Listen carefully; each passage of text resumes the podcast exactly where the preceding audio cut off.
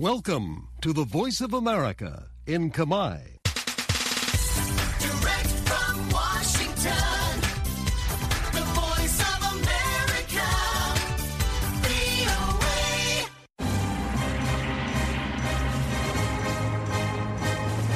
សួស្តីប្រិយមិត្តអ្នកស្ដាប់ជាទីមេត្រី នៅក្នុងកម្មវិធីផ្សាយតាមវិទ្យុរបស់ VOA នៅព្រឹកថ្ងៃសៅរ៍ទី27ខែមករាឆ្នាំ2024នេះខ្ញុំជឹងពូជីននិងសហការីនៃក្រុមផ្សាយយកាមេរ៉ាភាសាសូមស្វាគមន៍ប្រិយមិត្តពីរដ្ឋធានី Washington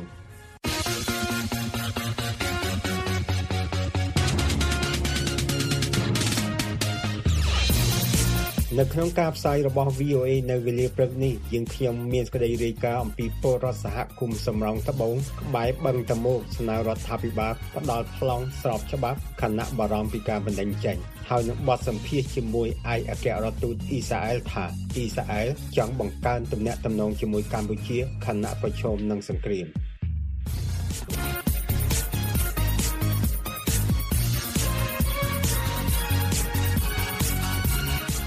ខណៈព្រួយបារម្ភពីការបណ្តេញចេញពីលំនៅឋានប្រជាពលរដ្ឋរស់នៅសហគមន៍សំរោងត្បូងជាប់ផ្ទៃបឹងតាមុកក្នុងសង្កាត់សំរោងខណ្ឌព្រែកភ្នៅរាជធានីភ្នំពេញបានស្នើសុំឲ្យរដ្ឋាភិបាលផ្តល់ប្លង់កម្មសិទ្ធិដីធ្លីស្របច្បាប់ពួកគេបានស្នើឲ្យតុលាការទម្លាក់បទចោទប្រកាន់លើពលរដ្ឋពាក់ព័ន្ធនឹងការបង្ខំឲ្យពលរដ្ឋទៅរស់នៅទីតាំងថ្មី។ កញ្ញាមេដារាយការណ៍លម្អិតឲ្យ VOA ពីរាជធានីភ្នំពេញដូចតទៅប្រជាពលរដ្ឋនៅសហគមន៍សំរោងត្បូងជាប់បឹងតាមុកក្នុងខណ្ឌព្រែកភ្នៅរាជធានីភ្នំពេញស្នើសុំឲ្យរដ្ឋាភិបាលនិងអាជ្ញាធរផ្តល់ប្លង់កម្មសិទ្ធិដីធ្លីដល់ពួកគេហើយជំរុញឲ្យតុលាការទម្លាក់បទចោទលើពលរដ្ឋខណៈសពថ្ងៃពួកគេព្រួយបារម្ភពីការបណ្តេញចេញពីលំនៅឋានអ្នកស្រីសៀដាវីអាយុ42ឆ្នាំពលរដ្ឋអ្នកលក់ដូរនៅសំរោងត្បូងរងពាក្យបណ្តឹងពីតុលាការដោយសារតែអ្នកស្រីមិនទទួលយកការដោះដូរទៅនៅទីតាំងថ្មីពីសំណាក់អាជ្ញាធរអ្នកស្រីចាត់ទុកថាវាជារឿងអយុត្តិធម៌មួយសម្រាប់អ្នកស្រីដែលប្រឈមនឹងការបាត់បង់ដីធ្លីដោយសារតែពួកខ្ញុំអត់ទទួលយកការដោះដូរទៅទីតាំងថ្មីហ្នឹងបានរងភាពអយុត្តិធម៌បណ្ដឹងពីតុលាការអញ្ចឹងសូមជួយរកដំណោះស្រាយដល់ជាភាពស្របច្បាប់ឲ្យ ពួកខ្ញុំជាប្រជាសហគមន៍សម្រងត្បូងដោយសារដីផ្ទះពួកយើងអត់ប៉ះដីចំណីផ្លូវក៏អត់ប៉ះដីអនុក្រឹត្យដែរអ្នកស្រីដាវីបន្ថែមទៀតថារដ្ឋាភិបាលត្រូវពន្លឿនការកិត្តគូជួយដោះស្រាយបញ្ហាប្រឈមរបស់ប្រជាពលរដ្ឋឲ្យបានឆាប់ សំណពរដល់ថ្នាក់ដឹកនាំរដ្ឋាភិបាលទៅថ្នាក់ជាតិព្រោះអីថ្នាក់ក្រោមជាតិបងអស់ជំនឿអត់សង្ឃឹមព្រោះអីរងភាពអយុត្តិធម៌ពីថ្នាក់ក្រោមជាតិវាច្រើនលើសលប់ដែលអត់អាចទទួលយកបានទៀតអញ្ចឹងសំណពរទៅរាជរដ្ឋាភិបាលអ្នកដឹកនាំថ្មីហ្នឹងលោកមេតាពលឿនជួយពួកខ្ញុំមិនអញ្ចឹងទេអាជ្ញាធរធ្វើទុកបុកម្នេញអត់មានពេលរកស៊ីទេហើយចង់មានវិបត្តិផ្លូវចិត្តហើយឥឡូវហ្នឹងអ្នកដែលជាប់បដងតឡាការហ្នឹង ពលរដ្ឋដែលរងបណ្ដឹងតុលាការម្នាក់ទៀតអ្នកស្រីសឿនស្រីសុតអាយុ34ឆ្នាំប្រាប់ VOA នៅថ្ងៃសុក្រនេះថាសប្តាហ៍ថ្ងៃនេះអ្នកស្រីមានការលំបាកខ្លាំងបន្ទាប់ពីជាប់បណ្ដឹងតុលាការខណៈប្រជុំនឹងការបណ្ដេញចេញនៅគ្រាដែលផ្ទៃបឹងតាមុកត្រូវបានចាក់ដីលុបសម្រាប់ការអភិវឌ្ឍ តាំងពីជាប់បណ្ដឹងតឡាការមកខ្ញុំអត់មានពេលចេញរកស៊ីមានតែពេលងាកងាកឡើងមកភ្លឺបាត់បង់ទាំងចំណូលបាត់បង់ទាំងការរស់នៅដោយមិនមានទឹកស្រាប់ច្បាប់ហើយណាស្រីផងក៏បាត់បង់រាល់ថ្ងៃខ្ញុំបាត់បង់ចំណូលគ្មានរកចូលអីសំបី100លើកខ្មែរព្រោះតាំងពីលុបផ្ទៃបឹងមកលុបកន្លែងអាស្រ័យផលពួកខ្ញុំការរស់ស៊ីរបស់ពួកខ្ញុំកាន់តែធ្លាក់ទៅធ្លាក់ទៅ អ្នកស្រីមិនចង់ចាក់ចេញពីតំបន់ដែលអ្នកស្រីកំពុងរស់នៅឡើយដោយសារតែអ្នកស្រីរស់នៅទីនោះយូរឆ្នាំមកហើយហើយទីតាំងថ្មីដែលអាជ្ញាធរបង្ខំឲ្យទៅរស់នៅនោះពិបាកក្នុងការប្រកបមុខរបររកស៊ីបើសិនជាពេលវេលាអាចថយក្រោយខ្ញុំសុខចិត្តឲ្យវិលទៅជាស្រែប្រាំងដែលដែលពួកខ្ញុំធ្លាប់អាស្រ័យផលពីមុនវិញព្រោះអឺពួកខ្ញុំរស់នៅពីមុនគឺមានភាពសុខសាន្តគ្មានការធ្វើទុកបុកម្នេញពី អាញាធរខណ្ឌណាទេទឹមទើបតែដីកាត់ចុះអនុក្រឹត្យទើបតែបង្ហូររំដោះទឹកស្អុយពីពេញមកចាប់ដើមបាត់បង់ផ្ទៃបឹងទាំងមូលអញ្ចឹងខ្ញុំស្ដាយស្ដាយទាំងផ្ទៃបឹងកេរូនតាស្ដាយទាំង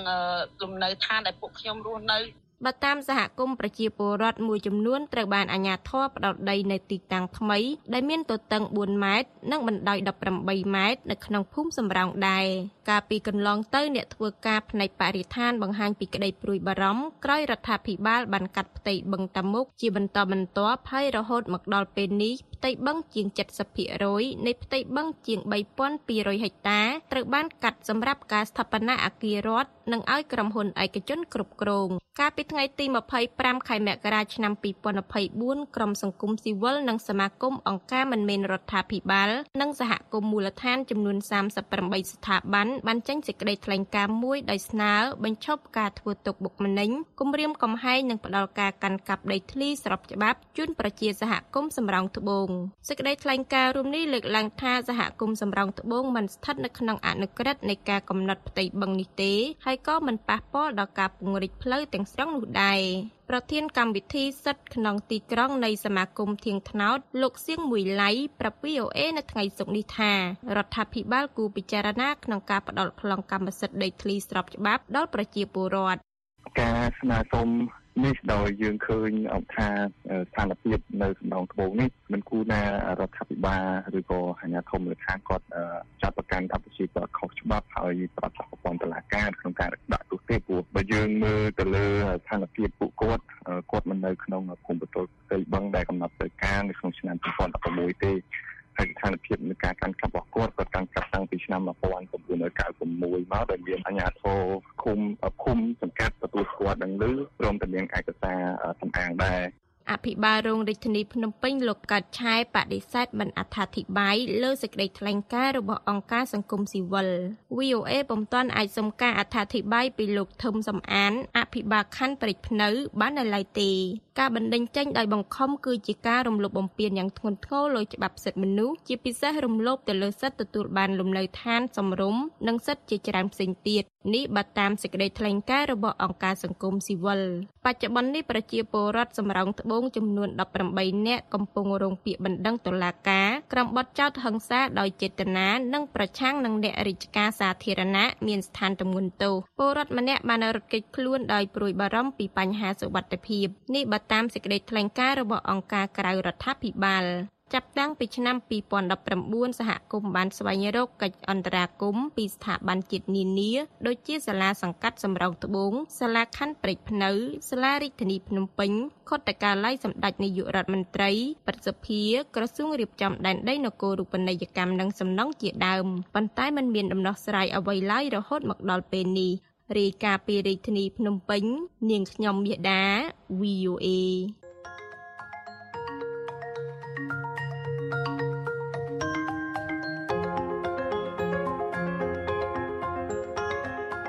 សូមស្វាគមន៍មកកាន់កម្មវិធី podcast កម្ពុជាសម្លឹងទៅមុខរដូវកាលទី2ប្រិមិត្តជាទីមេត្រី កាលពីរដូវកាលទី1អស់លោកអ្នកនាងបានស្ដាប់កម្មវិធី podcast កម្ពុជាសម្លឹងទៅមុខដល់ទៅ16ភាគដែលក្រុមអ្នកស្រាវជ្រាវកម្ពុជាឆ្នើមនិងវ័យក្មេងជាច្រើនអ្នកបានពិភាក្សានិងបកស្រាយអំពីទស្សនវិស័យនិងសក្តានុពលដែលជំរុញឲ្យមានការផ្លាស់ប្តូរវិជ្ជមានលើវិស័យនានាក្នុងប្រទេសកម្ពុជារាប់ទាំងវិស័យអប់រំសេដ្ឋកិច្ចសុខាភិបាលការទូតបរិស្ថាននិងអភិបាលកិច្ចជាដើមរដូវកាលទី2របស់យើងនឹងបដោតលើប្រធានបទធំមួយដែលយើងហៅថាវប្បធម៌ Digital ឬជាភាសាអង់គ្លេស Digital Culture និយាយទៅវាសំដៅលើឱកាសនិងកត្តាប្រឈមនៃការប្រើប្រាស់បច្ចេកវិទ្យានានាដើម្បីដោះស្រាយបញ្ហាប្រឈមក្នុងសង្គមនិងជំរុញឲ្យមានការផ្លាស់ប្តូរវិជ្ជមានជាបន្តបន្ទាប់ហើយជាពិសេសបង្កើនលទ្ធភាពឲ្យកម្ពុជាសម្រេចបាននូវគោលដៅអភិវឌ្ឍរបស់ខ្លួនក្នុងគ្រប់វិស័យដោយរដូវកាលទី1ដែរលោកអ្នកនាងអាចស្ដាប់ podcast កម្ពុជាសម្លឹងទៅមុខវប្បធម៌ Digital ឬ Digital Culture នេះតាម Apple Podcast Google Podcast Spotify និងតាមគេហទំព័ររបស់យើង khmer.vnews.com/envisioncambodia digital culture ហើយសូមកុំភ្លេច subscribe សូមអរគុណ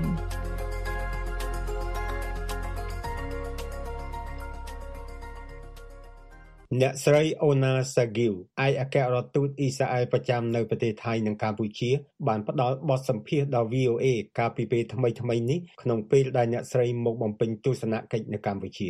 បទសម្ភាសន៍មួយនេះផ្ដោតទៅលើទំនាក់ទំនងកម្ពុជានិងអ៊ីស្រាអែលការការពារពលរដ្ឋខ្មែរនៅអ៊ីស្រាអែលនិងស្ថានភាពទូទៅនៃសង្គ្រាមរវាងអ៊ីស្រាអែលនិងក្រុមហាម៉ាស់ រដ្ឋាភិបាលរបស់អ៊ីស្រាអែលត្រូវបានចោទប្រកាន់ថាប្រព្រឹត្តអំពើបល្ល័យពូជសាសន៍នៅក្នុងសង្គ្រាមមួយនេះដែលមានរយៈពេលជាង3ខែមកហើយអ្នកស្រីអូណាសាហ្គីវថ្លែងថាការចោទប្រកាន់ថាអ៊ីស្រាអែលប្រព្រឹត្តអំពើបលាយពូជសាសន៍មិនសមឡើយហើយវាជារឿងនយោបាយអ្នកស្រីបានបញ្ជាក់ថាអ៊ីស្រាអែលជាអ្នករងគ្រោះដោយភេរវករហាម៉ាស់តទៅនេះសូមអរលោកអ្នកស្ដាប់បទសម្ភាសន៍របស់លោកសុនរិនជាមួយអ្នកស្រីអូណាសាហ្គីវឯកអគ្គរដ្ឋទូតអ៊ីស្រាអែលដូចតទៅ Thank you ambassador for giving the interview សូមអរគុណអ្នកស្រីអាយអគ្គរដ្ឋទូតដែលបានផ្ដល់បទសម្ភាសន៍អ្នកស្រីបានធ្វើដំណើរមកប្រទេសកម្ពុជានៅពេលនេះតើហេតុអ្វីបានជាអ្នកស្រីអញ្ជើញមកទីក្រុងភ្នំពេញ So good afternoon uh, and thank you for having me.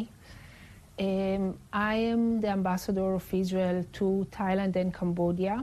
ចាសួស្តីអរគុណដែលផ្ដល់ឱកាសសម្រាប់បទសម្ភាសន៍ខ្ញុំជាឯកអគ្គរដ្ឋទូតអ៊ីស្រាអែលប្រចាំប្រទេសថៃនិងកម្ពុជាខ្ញុំជាយាមមកប្រទេសកម្ពុជាម្ដងម្កាលតាមដែលអាចធ្វើទៅបានហើយខ្ញុំសប្បាយចិត្តណាស់ដែលបានមកទីនេះខ្ញុំតែងតែរីករាយក្នុងការមកដល់ទីក្រុងភ្នំពេញឬទីក្រុងផ្សេងទៀតជួបជាមួយរដ្ឋមន្ត្រីជួបជាមួយអ្នកជំនាញផ្សេងទៀតដើម្បីព្យាយាមបង្កើនទំនាក់ទំនងទ្វេភាគីរវាងអ៊ីស្រាអែលនិងកម្ពុជាដោយសារទំនាក់ទំនងរបស់យើងបានរីកចម្រើនអស់រយៈពេលជាច្រើនឆ្នាំមកហើយហើយខ្ញុំជឿថានៅតែមានសក្តានុពលខ្លាំងឬធំធេងដែលអាចអភិវឌ្ឍបាន ហើយរាល់ពេលដែលខ្ញុំមកទីនេះខ្ញុំព្យាយាមជួបជាមួយអ្នកផ្សេងទៀតដើម្បីដោះដូរគំនិតទៅវិញទៅមក និងដើម្បីមើលពីលទ្ធភាពក្នុងការបង្កើនទំនាក់ទំនងដល់មួយកម្រិតទៀត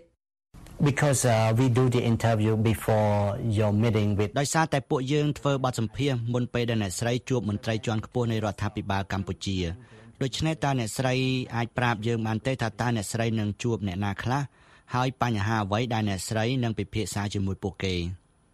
So I would say generally that I'm going to meet some uh, um, some ministers. ជារួមខ្ញុំអាចនិយាយថាខ្ញុំនឹងជួបរដ្ឋមន្ត្រីខ្លះខ្ញុំបានជួបរដ្ឋមន្ត្រីក្រសួងកសិកម្មរួចហើយនៅព្រឹកនេះខ្ញុំនឹងជួបជាមួយរដ្ឋមន្ត្រីផ្សេងទៀតនៅថ្ងៃស្អែកនិងថ្ងៃបន្ទាប់ខ្ញុំក៏នឹងទៅសួរសុខទុក្ខគ្រួសារនិស្សិតខ្មែរម្នាក់ដែលត្រូវបានគេសម្លាប់ក្នុងការវាយប្រហារភេរវកម្មប្រឆាំងនឹងអ៊ីស្រាអែលនៅក្រុង Kibbutz Sim កាលពីថ្ងៃទី7ខែតុលាខ្ញុំចង់ទៅសួរសុខទុក្ខឪពុកម្ដាយរបស់គាត់ហើយនិយាយជាមួយពួកគេនឹងចូលរួមរំលែកទុក្ខរបស់យើងរបៀបវារៈរបស់ខ្ញុំគឺខ្ញុំកំពុងព្យាយាមរកវិធីដើម្បីអភិវឌ្ឍទំនាក់ទំនងរបស់យើងខ្ញុំផ្ដោតលើប្រធានបទសំខាន់ចំនួន2គឺក្នុងវិស័យកសិកម្មយើងមានការសហការគ្នារួចហើយខ្ញុំជឿថានេះជាវិស័យមួយដែលយើងអាចអភិវឌ្ឍបន្ថែមទៀតទី2គឺស្វែងរកឱកាសដើម្បីចុះអនុសារណៈយោគយល់គ្នារវាងរដ្ឋាភិបាលរបស់យើងទាំងពីរដែលនឹងអនុញ្ញាតឲ្យប្រទេសយើងទាំងពីរអាចបញ្ជូនពលករមួយចំនួនដែលធ្វើការផ្នែកកសិកម្មទៅអ៊ីស្រាអែល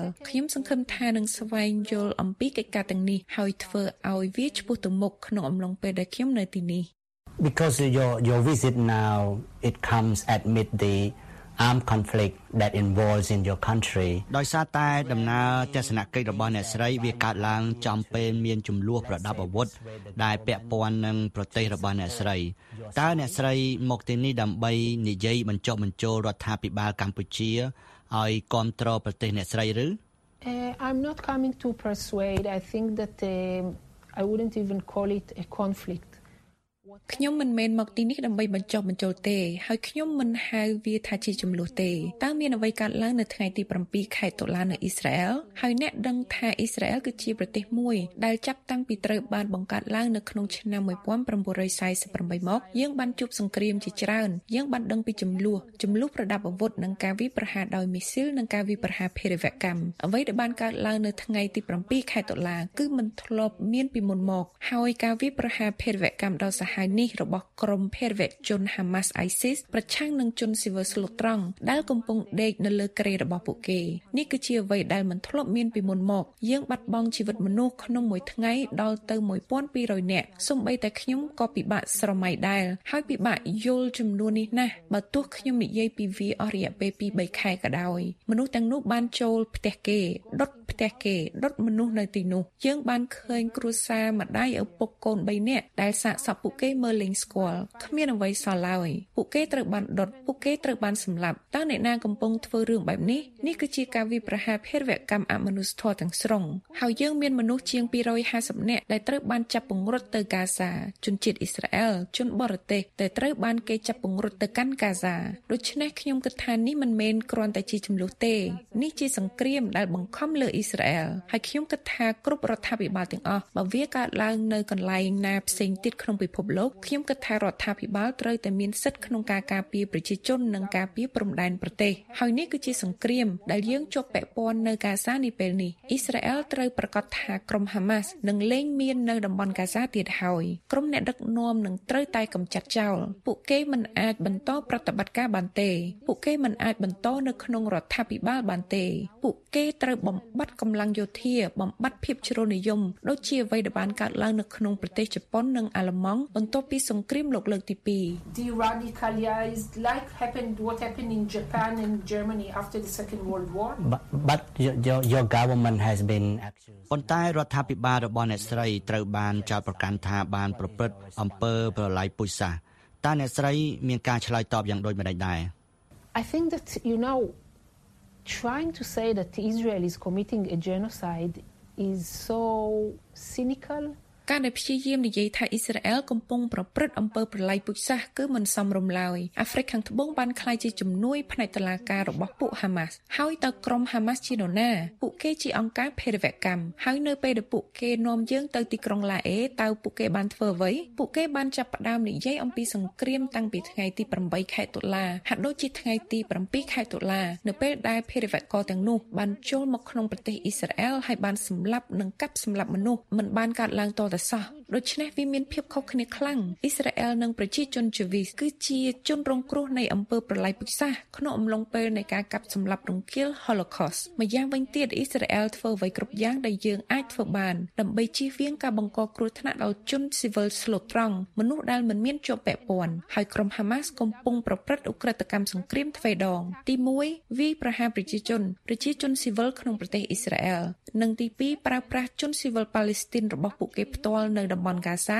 ជាខែលមនុស្សការពារខ្លួន ដឹងថាគេបាញ់ពីណាទេតើពួកគេដំណើរការពីណា ពីខាងក្រោមនិងក្នុងមន្ទីរពេទ្យសាលារៀនពួកគេព័ទ្ធជុំវិញសាលាដែលមានកុមារពួកគេកំពុងបាញ់ពីក្នុងសង្កាត់ស៊ីវិលពួកគេមិនអនុញ្ញាតឲ្យតំបន់កាសាដែលជារបស់ប្រជាជនប៉ាឡេស្ទីនផ្លាស់ទីទៅជំរកសុវត្ថិភាពឡើយហេតុអ្វីព្រោះពួកគេត្រូវការមនុស្សជាខែលដូច្នេះដើម្បីនិយាយអំពីអំពើប្រល័យពូជសាសន៍អ៊ីស្រាអែលជាជនរងគ្រោះដោយភេរវករហាម៉ាស់ការបន្ទោសអ៊ីស្រាអែលឥឡូវនេះថាបានជាប់ពាក់ព័ន្ធក្នុងអំពើប្រល័យពូជសាសន៍មិនសមរម្យឡើយនេះជាការព្យាយាមធ្វើរឿងនេះឲ្យคล้ายជារឿងនយោបាយអ្នករាល់គ្នាដែលមើលឃើញស្ថានភាពពិតអាចមើលឃើញហើយសួរថាតើសមរម្យទេនិយាយថាអ៊ីស្រាអែលធ្វើអំពើប្រល័យពូជសាសន៍សមរម្យ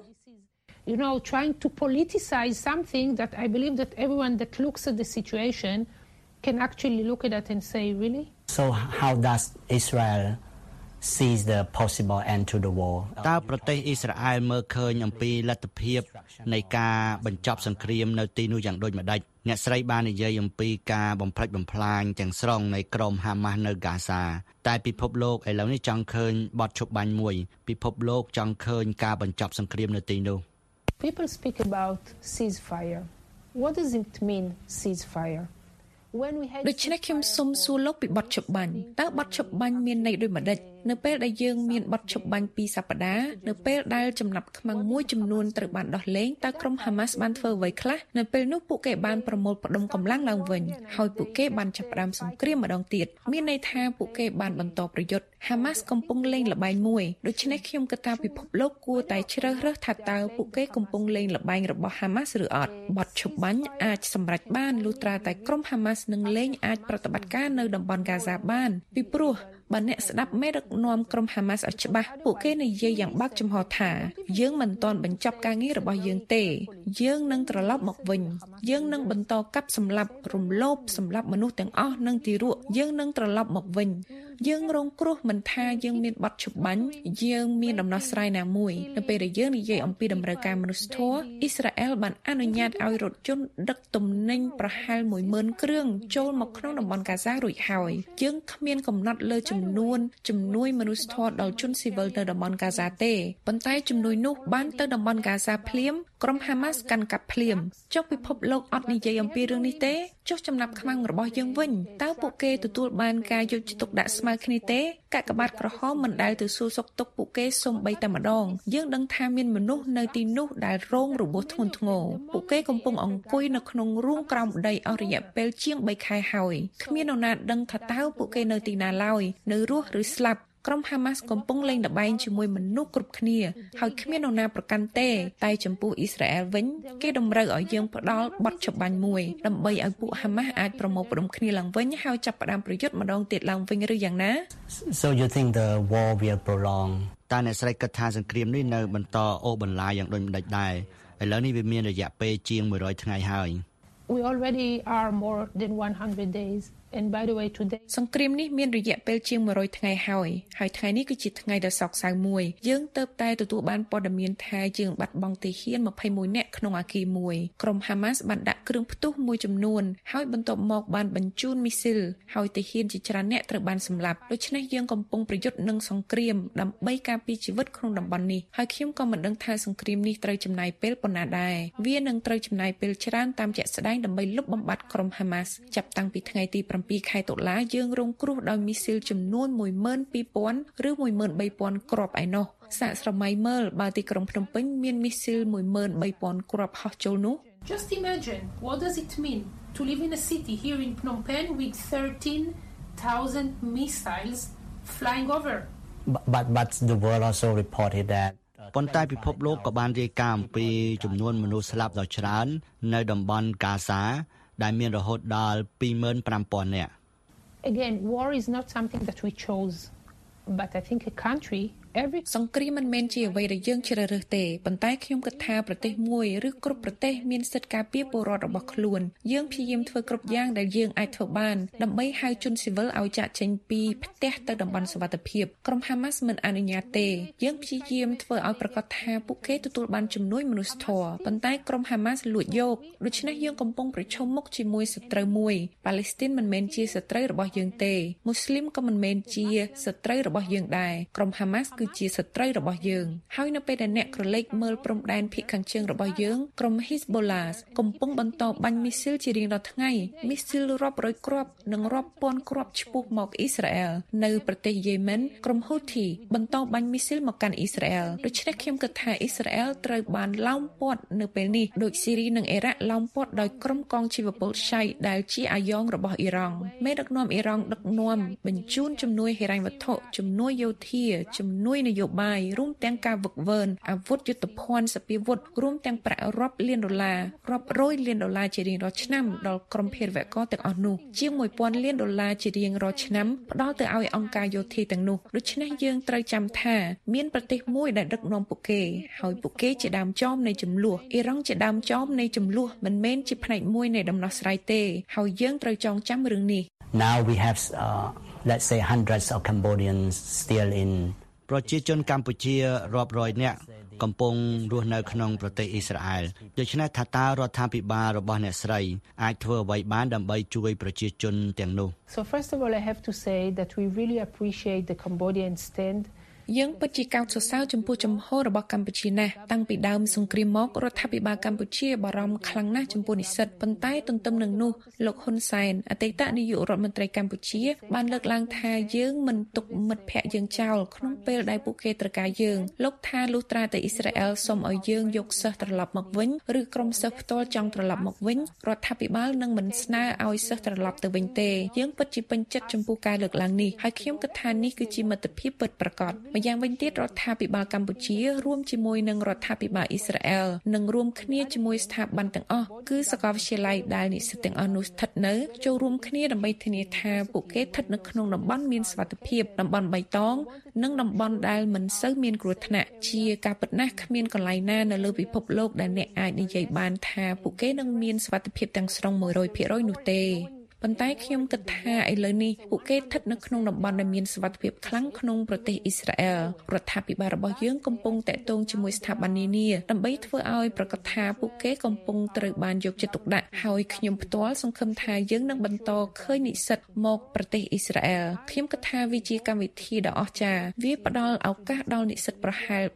450នាក់ឬ460នាក់ជារៀងរាល់ឆ្នាំពីប្រទេសកម្ពុជានេះគឺជាក្រុមនិស្សិតធំមួយបើប្រៀបធៀបទៅនឹងក្រុមផ្សេងទៀតដែលជាផ្នែកមួយនៃកម្មវិធីនេះពួកគេទៅអ៊ីស្រាអែលរយៈពេល11ខែមួយថ្ងៃក្នុងមួយសប្តាហ៍ពួកគេសិក្សាជាមួយសាស្ត្រាចារ្យដែលល្អបំផុតនិង5ថ្ងៃក្នុងមួយសប្តាហ៍ពួកគេមានការបណ្ដុះបណ្ដាលការងារដោយធ្វើការជាមួយកសិករហើយខ្ញុំគិតថាអ្វីដែលពួកគេរៀនអ្វីដែលពួកគេយកមកប្រទេសកម្ពុជាវិញសម្រាប់ខ្លួនពួកគេគ្រួសារពួកគេសហគមន៍ពួកគេគឺធំធេងណាស់វាអស្ចារ្យណាស់ដែលយើងបានឃើញស្មារតីសហគ្រិនរបស់និស្សិតទាំងនោះដែលចាប់ផ្ដើមអាជីវកម្មដោយព្យាយាមធ្វើការងារកសិកម្មខ្ញុំចាប់អារម្មណ៍ខ្លាំងណាស់ហើយខ្ញុំគិតថាវាជាយុទ្ធសាស្ត្រឈ្នះឈ្នះយើងមាននិស្សិតជាង2000នាក់ហើយដែលបានទៅ And I think it's a win-win. We already have more than 2,000 students. Because the war is still continuing, so will this uh, impact ដោយសារសង្គ្រាមនេះនៅបន្តអូសបន្លាយ តើអ្នកស្រីមើលឃើញពីអតិពលថាតើវាប៉ះពាល់ដល់ការបញ្ជូននិស្សិតកម្ពុជាបន្ថែមទៀតទៅកាន់ប្រទេសអ៊ីស្រាអែលសម្រាប់ឆ្នាំនេះដែរឬទេ This year is already it started I think that the decision about next កម្មវិធីឆ្នាំនេះចាប់ផ្ដើមរួចហើយខ្ញុំគិតថាការសម្រេចចិត្តសម្រាប់កម្មវិធីឆ្នាំក្រោយនឹងត្រូវធ្វើប្រហែលខែមិថុនាឬកក្កដាខ្ញុំមិនដឹងថាសង្គ្រាមនឹងក្លាយទៅជាយ៉ាងណានោះទេក្នុងពេលនោះប៉ុន្តែដូចខ្ញុំនិយាយអញ្ចឹងនៅពេលនេះសិស្សនិស្សិតកម្ពុជាទាំងអស់មានសមត្ថភាពដូច្នេះខ្ញុំសង្ឃឹមថារដ្ឋាភិបាលកម្ពុជានឹងសម្រេចបន្តបញ្ជូននិស្សិតនៅឆ្នាំក្រោយផងដែរខ្ញុំគិតថាវាមានប្រយោជន៍ខ្លាំងណាស់ហើយខ្ញុំមិនចង់ឲ្យពួកគេឈប់មកទេខ្ញុំគិតថាពួកគេជាផ្នែកមួយដ៏សំខាន់នៃកម្មវិធីនេះពួកគេមានទំនាក់ទំនងល្អជាមួយកសិករអ៊ីស្រាអែលពួកគេរៀនបានច្រើនហើយទទួលបានផលប្រយោជន៍ពីគ្នាទៅវិញទៅមក Last question Cambodian government also have a stand on the conflict ខ្ញុំមានសំណួរចុងក្រោយរដ្ឋាភិបាលកម្ពុជាក៏មានជំហរទៅលើចំនួន ពាក់ព័ន្ធនឹងប្រទេសអ្នកស្រីផងដែរនៅអង្គការសហប្រជាជាតិរដ្ឋាភិបាលកម្ពុជាក៏មិនបានបោះឆ្នោតគ្រប់គ្រងប្រឆាំងក្រុមណាមួយដែរហើយខ្ញុំអាចដកស្រង់សេចក្តីថ្លែងការណ៍របស់រដ្ឋាភិបាលកម្ពុជា ដែលបានអំពាវនាវឲ្យថ្កោលទោសរាល់អំពើភេរវកម្មនិងអំពើហិង្សាលើប្រជាជនស្លូតត្រង់រដ្ឋាភិបាលកម្ពុជាក៏បាននិយាយថាចំនួននេះគឺជាបញ្ហាស្មុគស្មាញដូច្នេះរដ្ឋាភិបាលនឹងប្រកាន់ជំហរដោយផ្ទាល់ខ្លួនក្នុងបញ្ហានេះ ជាជាងការចូលរួមនៅក្នុងសេចក្តីថ្លែងការណ៍ណាមួយដែលធ្វើឡើង ដើម្បីគ្រប់គ្រងក្រុមណាមួយតើអ្នកស្រីមានការយល់ឃើញយ៉ាងណាដែរចំពោះជំហររបស់រដ្ឋាភិបាលកម្ពុជា See, Israel and Cambodia are friendly countries. អ៊ីស្រាអែលនិងកម្ពុជាជាប្រទេសមិត្តភាពហេតុផលមួយដែលខ្ញុំនៅទីនេះគឺពិតជាដើម្បីផ្លាស់ប្ដូរទស្សនៈដើម្បីពន្យល់ពីជំហររបស់អ៊ីស្រាអែលខ្ញុំនឹងមិនជ្រៀតជ្រែកក្នុងទូនីតិរបស់ប្រទេសដទៃឬកិច្ចការក្នុងស្រុកណាមួយឡើយជាការពិតណាស់ខ្ញុំរីករាយក្នុងការពន្យល់ពីមូលហេតុដែលអ្វីៗទាំងអស់ដោយដែលខ្ញុំបានពន្យល់នៅថ្ងៃនេះហេតុអ្វីបានជាអ៊ីស្រាអែលមានប្រតិកម្មចំពោះរបៀបដែលយើងធ្វើហេតុអ្វីបានជាស្ថាប័នបែបនេះឬមួយផ្សេងទៀត ហើយខ្ញុំជឿថាការអនុវត្តដ៏ល្អបំផុតគឺការសន្ទនាបើមានចម្ងល់ឬសំណុំពរណាមួយពីភាគីកម្ពុជាខ្ញុំរីករាយក្នុងការឆ្លើយតប Thank you Ambassador អរគុណអ្នកស្រីអាយគ្គរដ្ឋទូតដែលបានផ្ដល់បទសម្ភាសន៍មួយនេះ Thank you so much. អរគុណណាស់អស់លោកអ្នកទើបតែបានស្ដាប់បទសម្ភាសន៍របស់ VOA ជាមួយអ្នកស្រី Ona Sagiv ឯកអគ្គរដ្ឋទូតអ៊ីស្រាអែលប្រចាំនៅប្រទេសថៃនិងកម្ពុជា ស្ដីពីការពង្រឹងចំណងតាក់ទង និងកិច្ចសហប្រតិបត្តិការរវាងអ៊ីស្រាអែលនិងកម្ពុជាប្រសិនបើអស់លោកអ្នកចង់ស្ដាប់កិច្ចសម្ភាសន៍នេះម្ដងទៀតសូមអស់លោកអ្នកចូលទៅកាន់គេហទំព័រដែលមានអាសយដ្ឋានខ្មែរ .vonews.com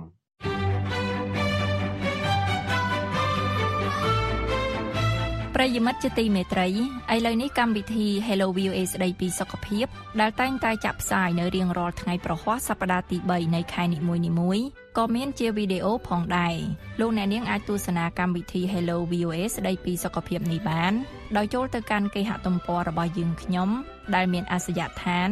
khmer.voanews.com រួចចុចលើពាក្យកម្មវិធី Hello VOA នោះលោកអ្នកនឹងចូលទៅដល់ទំព័រមួយទៀត ដែលមានកម្មវិធី Hello VOA សុខភាពហើយលោកអ្នកនាងអាចទស្សនាវីដេអូមួយណាក៏បាន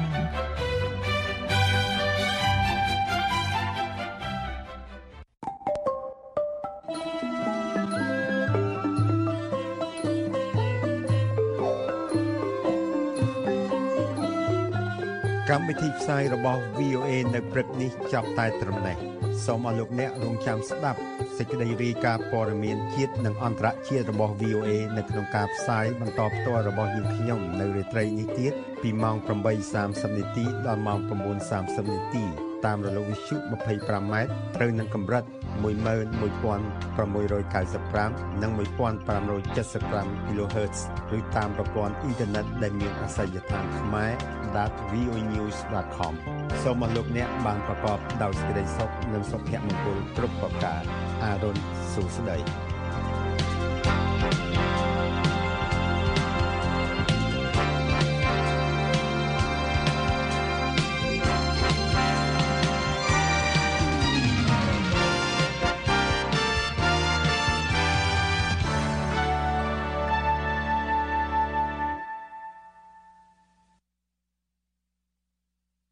This program has come to you from the Voice of America, Washington.